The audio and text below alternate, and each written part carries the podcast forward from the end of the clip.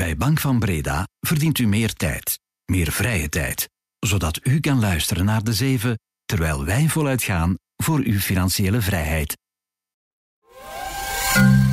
Welkom bij een extra aflevering van De Zeven over de grote finale in de soap bij OpenAI. Ik ben Bert Rijmen.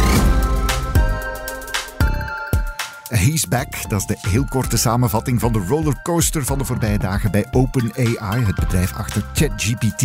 CEO Sam Altman werd daar afgelopen vrijdag aan de deur gezet, zonder echt duidelijke reden. En de volgende dagen wel en dan toch weer niet binnengehaald. Er lag een transfer naar Microsoft op tafel, maar aan de soap kwam vanmorgen dan een einde met het bericht dat Altman gewoon weer aan de slag gaat als CEO bij OpenAI. Wat moeten we nu onthouden van die hele saga? Wat speelde er achter de schermen bij OpenAI? OpenAI en bij de groot aandeelhouder daar, Microsoft. En wat betekent dat nu voor de ontwikkeling van AI in zijn geheel? Dat kom je in deze podcast te weten.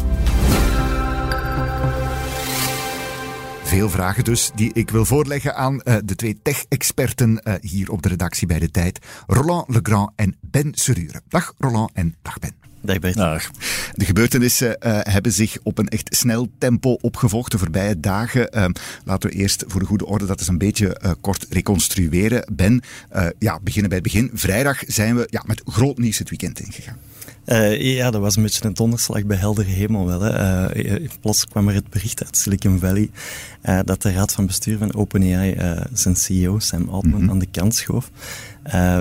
Daarbij werd niet echt een heldere uitleg gegeven en dit is daarna ook nooit echt gevolgd. maar het leek er al snel op dat er een soort verschil in visie was van hoe, je, hoe snel en hoe veilig ze die technologie uitrolden. Ja, inderdaad. dat was dan ja, uh, gaf aanleiding tot heel veel bedenkingen in de media, heel veel aandacht daarvoor. En dan krijg je ja, maandag opnieuw een soort plot twist. Ja, het, het, was dan een, eigenlijk een heel weekend uh, ja, een beetje een, een achterhoedegevecht. Ja. Of, uh, ja, er werd wat geduwd langs alle kanten. er werd ge, geprobeerd langs investeerderszijde om Altman terug te krijgen. Um, dat, dat mislukte dan, want zondagavond stelden ze dan plots een andere CEO aan, Emmett Shear. Uh, maar maandag uh, kwam er dan uh, plots een andere apen te mouwen. enerzijds werd Altman plots aangekondigd mm -hmm. bij Microsoft. Dat ja. hij daar de CEO wordt van een nieuwe business unit die AI uit de grond moest stampen. en anderzijds begon het personeel te, te, rebelleren. ze hebben een brief aan de raad van bestuur gestuurd waar dat ze eisten uh, dat die zou opstappen en dat uh, Altman en ook uh, voormalig voorzitter Greg Brockman terug aangenomen zouden worden. en dat heeft uiteindelijk toch tot heel veel druk geleid. Druk dan die ja, vanmorgen vroeg er eigenlijk voor heeft gezorgd ja, dat hij nu gewoon terug is gekomen. Wat, wat is nu precies de situatie? Uh, wel, de situatie is inderdaad dat er uh, vanmorgen, onze tijd, uh, dinsdagmorgen, is aangekondigd dat Altman terugkeert mm -hmm. en dat de raad van bestuur wordt herschikt. Waarbij dat drie van de vier overgebleven leden ontslag nemen. en er eentje blijft, maar die krijgt een aantal andere mensen naast zich. Mm -hmm. onder andere voormalig minister van Financiën in de VS, Larry Summers. Grote naam. En de voormalige CEO van Salesforce, Britt Taylor, die de voorzitter wordt. Uh, en dus ja, dan zie je toch dat die uh, uh, druk heeft gewerkt. als je als OpenAI dreigt al je personeel kwijt te spelen. Ja dan blijft er gewoon niks over. Want uiteindelijk blijft zelfs artificiële intelligentie voor een groot stuk menselijk kapitaal. Ja. dus zonder die mensen hadden ze gewoon niet voortgekunnen. Ja, dat heeft dan uiteindelijk toch genoeg druk opgeleverd. Dat levert dan nu een soort situatie waarvan we hopen dat het dan nu even, even stopt met die plottwisten. Roland, um, Ben zei het al, het is niet zo evident om daar de vinger op te leggen. Wat is er, op te leggen wat, is er, of wat er nu gebeurd is. Um, ja, toch eens kijken, wat, wat, wat heeft daar gespeeld achter de schermen? Heb je daar zicht op? Echt heel zeker weten we het allemaal niet, maar het lijkt er wel heel sterk op dat het inderdaad een verschil in visie was, of toch -hmm. minstens de perceptie dat de visie uh, verschilde, een communicatiebreuk tussen de CEO en de raad van bestuur, of toch een deel van die raad van bestuur. En dat heeft te maken met de oorsprong van OpenAI. Mm -hmm. En dat is streven naar wat genoemd wordt artificiële algemene intelligentie. Dat is AI die minstens zo slim is als begaafde mensen. En um, men vreest een beetje, men denkt dat het er zeker gaat komen bij OpenAI. Uh, dat dit is echt de overtuiging waar het bedrijf op ge gebaseerd is. Tegelijk vreest men dat daar grote uh, ethische problemen kunnen uit voortvolgen, veiligheidsproblemen, disruptie van de arbeidsmarkt. En wil men dat dat verantwoord gebeurt. Dus OpenAI heeft eigenlijk als doel door geleidelijk aan naar die artificiële algemene intelligentie toe te werken, door dat stapsgewijs te doen, dat de samenleving zich beter kan voorbereiden. En daarom is de, die structuur heel speciaal van dat bedrijf. Het is eigenlijk een VZW met daaraan gekoppeld een for-profit deel. Mhm. Want er is tenslotte heel veel geld nodig om die modellen te trainen. Maar die raad van bestuur die waakt vooral over de missie, over de, de VZW kant van de zaak. En die voelde van, oei, wij worden hier steeds sneller een supercommercieel bedrijf dat heel rap gaat en waar dat we eigenlijk het gevoel hebben dat we niet meer meespelen in dit verhaal. En heel waarschijnlijk heeft dat geleid tot de breuk en het conflict. Ja, inderdaad, dat is eigenlijk een, een grote discussie die rond AI te koer hangt, die dan nu zeg maar soort ja, brandpunt kent in dat uh, bedrijf. Structuur, zoals Ron zegt, VZ2 en, en, en, een gewoon bedrijf. Waarom is dat dan nu plots, uh, uh, ja, laten we zeggen, tot een soort uitbarsting gekomen? ja, dat is een goede vraag. er zijn de voorbije weken wel een, uh, aan een snel tempo een aantal uh, aankondigingen gebeurd mm -hmm. bij, uh, bij OpenAI. Ze hebben een, een, heel aantal producten gelanceerd. ja, ineens ging het gewoon heel snel. ze hebben ook hun gebruikerstop moeten inlassen omdat ze zoveel succes hadden. Dus ik kan me voorstellen dat je op een bepaald moment, als je heel gefocust bent op die missie, uh, dat je gevoel hebt van overrompeld te worden en, en, niet meer, uh, uh, ja, dat je niet meer de controle hebt om, om dat goed te overzien.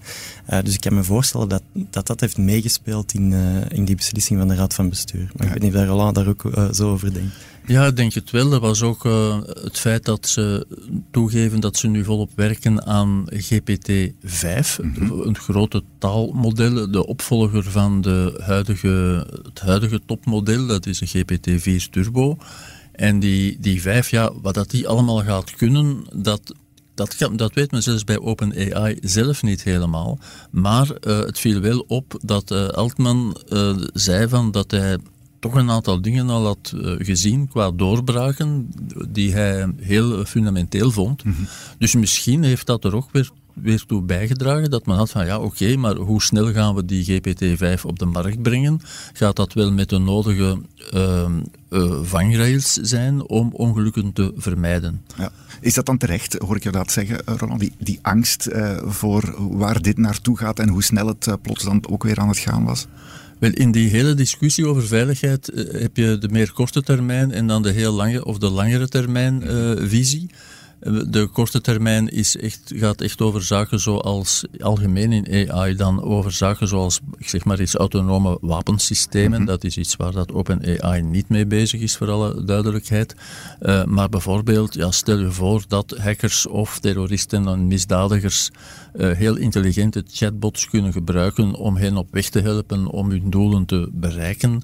Uh, dat soort zaken bijvoorbeeld, naast andere problemen zoals vertekening van de resultaten, omdat de data niet, niet echt neutraal zijn.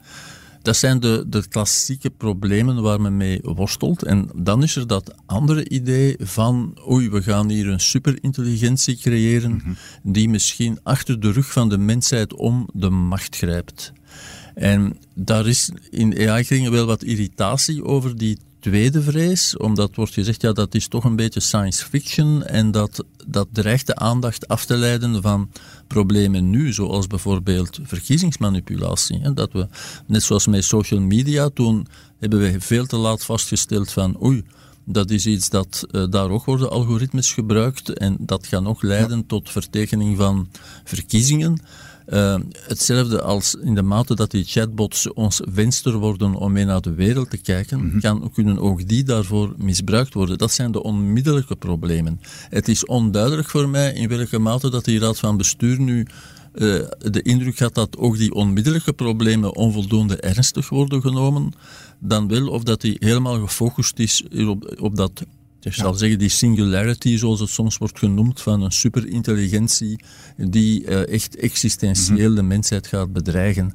Ik weet niet goed wat het hun afweging daarin is. Het valt wel op dat, dat uh, ja, ze de voorbije dagen echt uh, verschillende keren zijn gevraagd van ja, maak dat nu eens concreet uh, wat jullie bedoelen, hey, waarom dat jullie vinden dat, dat Altman zijn ontslag verdient. onder andere het personeel vroeg dat, maar blijkbaar heeft de nieuwe CEO, Emmett Shear, dat de voorbije dagen ook herhaaldelijk gevraagd. En kon ze erbij eigenlijk niks concreets uh, ja, aanwijzen dat daar uh, in, in. Of, geen bewijs ja. uh, van, van, van slecht gedrag. Of, een soort smoking gun hebben ze eigenlijk niet kunnen, kunnen laten zien. laten zien. En hij heeft er zeker in meegespeeld dat hij kon terugkeren. Maar, maar dat toont waarschijnlijk ook wel ergens aan dat het in zekere uh, mate die lange termijn discussies, mm -hmm. waar je bijna een filosofische benadering van, van de gevaren van AI hebt. Uh, uh, en je merkt toch wel uh, in Silicon Valley dat daar inderdaad een soort van tweespalt begint te mhm. ontstaan tussen believers en non-believers. Uh, en het zou wel eens kunnen dat, dat, dat heel dit uh, ja, een puur ideologische strijd is geweest uh, aan de top van... het zet die discussie in ieder geval volop terug op de agenda. Dat, alleen al is interessant. met Roland, ik zou met jou eens even naar Microsoft willen kijken. De, de grote speler die, laten we zeggen, over de schouder, schouder van OpenAI een beetje meespeelt. De hoofdaandeelhouder daar. Um, hoe, ja, hoe komen zij hieruit? Is het nu bottom line goed of slecht geweest voor hen? Ja, zij, in ieder geval voor de topman Satya Nadella, daar, um, die, die man heeft inmiddels uh, het statuut van een uh, CEO rockstar ja. gekregen. En de, de, vrijdag na de aankondiging van Altman moet weg, is, is weg, is ontslagen, uh, zakte de beurskoers van Microsoft op Wall Street, want de beurs was toen nog ehm, ik kon daar toen nog op reageren. Mhm. Eh, maandag uh, werd dat uh, goed gemaakt, want inmiddels bleek dat Satya Nadella zelf ehm, deelnam aan de onderhandelingen om het bedrijf terug verenigd te krijgen. En bleek hij ook bijzonder creatief met zijn. Hè, toen dat bleek dat dat bijzonder moeilijk was, zei hij inderdaad van uh, oké, okay, uh, ik neem Eltman en, en uh, zijn, zijn compaan Brochman in dienst bij ons. En weet je wat, de anderen mogen ook komen. En dat, dat was zo'n verrassende move, die dan ook weer mogelijk maakte dat het personeel in opstand kwam. Dat iedereen zoiets had van, wauw, om zo snel op de bal te spelen, zo decisief. Ja. En dan uiteindelijk haalt hij zijn slag thuis. Ja. Dus dat, uh, dat Daar maakt een uit, bijzonder sterke indruk gemaakt. Langs de andere kant, of tegelijkertijd zou je dan kunnen zeggen, ja, het toont ook aan hoe zwak Microsoft hier is. Want voor die AI, die AI die toch zo belangrijk is, zijn ze afhankelijk van dat ene bedrijf, ook zelfs van die ene man. Uh, ja, ik weet niet of je kan zeggen dat ze daarin zwak stonden. Want mm uh, in die hele strategische alliantie uh, met OpenAI, ze hebben niet alleen 49% van de aandelen en het mm financieel belang, maar, maar, ze zijn ook wel echt nauw verweven met elkaar. en Nadella verzekerde de voorbije dagen ook van, ja, wij hebben behalve een financieel belang ook echt de rechten op elke, alle technologie die daar ontwikkeld wordt. Dus zelfs als OpenAI was omgevallen, dan konden zij eigenlijk verder met die technologie, ze hadden de recht om die verder te ontwikkelen enzovoort. Uh, dus ik denk eigenlijk... Uh, dat, ze daar ook heel sterk staan. Ja, dat je niet anders kan concluderen dat, dat Nadella uh, Microsoft in een soort van win-win situatie mhm. heeft gevrongen, waarbij dat ze eigenlijk redelijk weinig risico liepen. Maar dat wel specifiek door die move uh, om Altman aan te nemen en dan ook die mensen uh, de, de deur open te zetten. Uh, dus ja, ja. Hij, hij, kon eigenlijk niet meer verliezen daardoor. Ja, die figuur van Altman, dat blijkt dan toch ongelooflijk cruciaal te zijn. Hè? Hoe, hoe kan dat eigenlijk? Dat zo één persoon, een CEO, is natuurlijk altijd heel belangrijk in een bedrijf, maar wat je hier zag gebeuren is toch ja, zeer opvallend. Ja, ja absoluut. Het is heel opvallend. die... Um, maar ik denk dat, dat de grote kracht van Altman is. Het, het gekke is, het is dus zelf geen AI-wetenschapper. Uh, hij heeft de technologie zelf niet meer ontwikkeld, maar hij, hij kan blijkbaar een soort van visie verkopen. Mhm. Hij kan mensen verenigen rond een project. Uh, hij kan daar ongelooflijke vaart mee maken. Hij kan financiers overtuigen. Uh, dus ja, je hebt er wel een totaalpakket als CEO waar dat blijkbaar heel veel mensen in geloven en achter willen gaan staan. En dat is zijn grote kracht, denk ik. Um, hè, als je ziet dat ja, als je ontslag neemt uh, of ontslagen wordt en 95% van het personeel zegt ja, dan zijn wij ook weg. Uh, Veel ja, CEO's kunnen daar alleen maar van dromen, denk ik. Dan heb je iets goed gedaan in ieder geval. Ja. Uh, inderdaad. Naar de, de bredere sector, misschien is Roland, wat zegt dit nu over die AI-sector in het algemeen? andere ontwikkelaars, bijvoorbeeld Google, ook Musk is bezig, iedereen is bezig met AI. Moeten zij nu ook vrezen voor gelijkaardige spanningen, discussie die dan ja, op die manier zo, zo hard wordt, zo duidelijk wordt, zo naar boven komt? En nogal wat van die uh, bedrijven die je noemt, zoals uh, Google, maar mm -hmm. bijvoorbeeld ook Anthropic, waar we het uh, over ja, hadden, inderdaad. die beklemtonen eigenlijk nu al van, ja, wij, wij willen dat wel behoedzaam doen, wij willen niet te snel gaan, het moet veilig blijven. En voor een deel was dat, denk ik toch een beetje, ook wel omdat ze in snelheid genomen werden mm -hmm. door OpenAI. Um, nu, de discussie gaat toch ook wel voor een belangrijk deel over transparantie. Want zoals uh, gezegd, die raad van bestuur heeft eigenlijk nooit echt duidelijk gemaakt wat het probleem concreet is. Of zelfs niet wat het probleem in het algemeen is. Mm -hmm. En uh, dat is dan toch wel raar als je dan zo'n belangrijk bedrijf bent dat met een technologie bezig is waarvan dat die raad van bestuur denkt dat het superbelangrijk is voor de mensheid, dat je dan niet duidelijk articuleert van dit is het uh, probleem dat wij nu hebben, dat zijn de keuzes die we moeten maken. Dus blijkbaar wordt dat dan in achterkamertjes beslist. En er is een hele beweging van open source die uh, eigenlijk daartegen in opstand komt en die zegt van wij gaan in tegenstelling tot OpenAI niet alleen de discussies, maar ook de code ter beschikking stellen en uh, datasets ter beschikking stellen, waardoor dat er alternatieven zijn. En er zijn inmiddels ook veel alternatieven voor uh, de modellen van OpenAI. Mm -hmm. En niet alleen van, van Google of van de grote spelers. heel opvallend is Meta Platforms, dus het bedrijf achter Facebook en Instagram.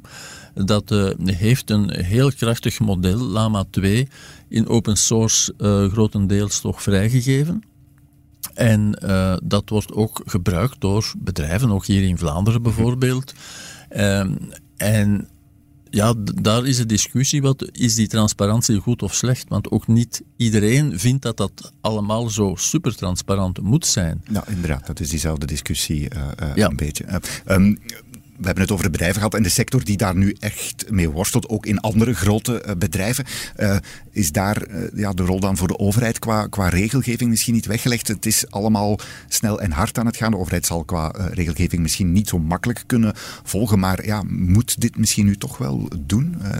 Uh, dat is een, een, discussie die we zeker moeten voeren. Hè. Uh, ik vind het ergens hoopgevend dat die discussies al gevoerd worden. Uh, je ziet zowel in Europa, in mindere mate in de VS. Mm -hmm.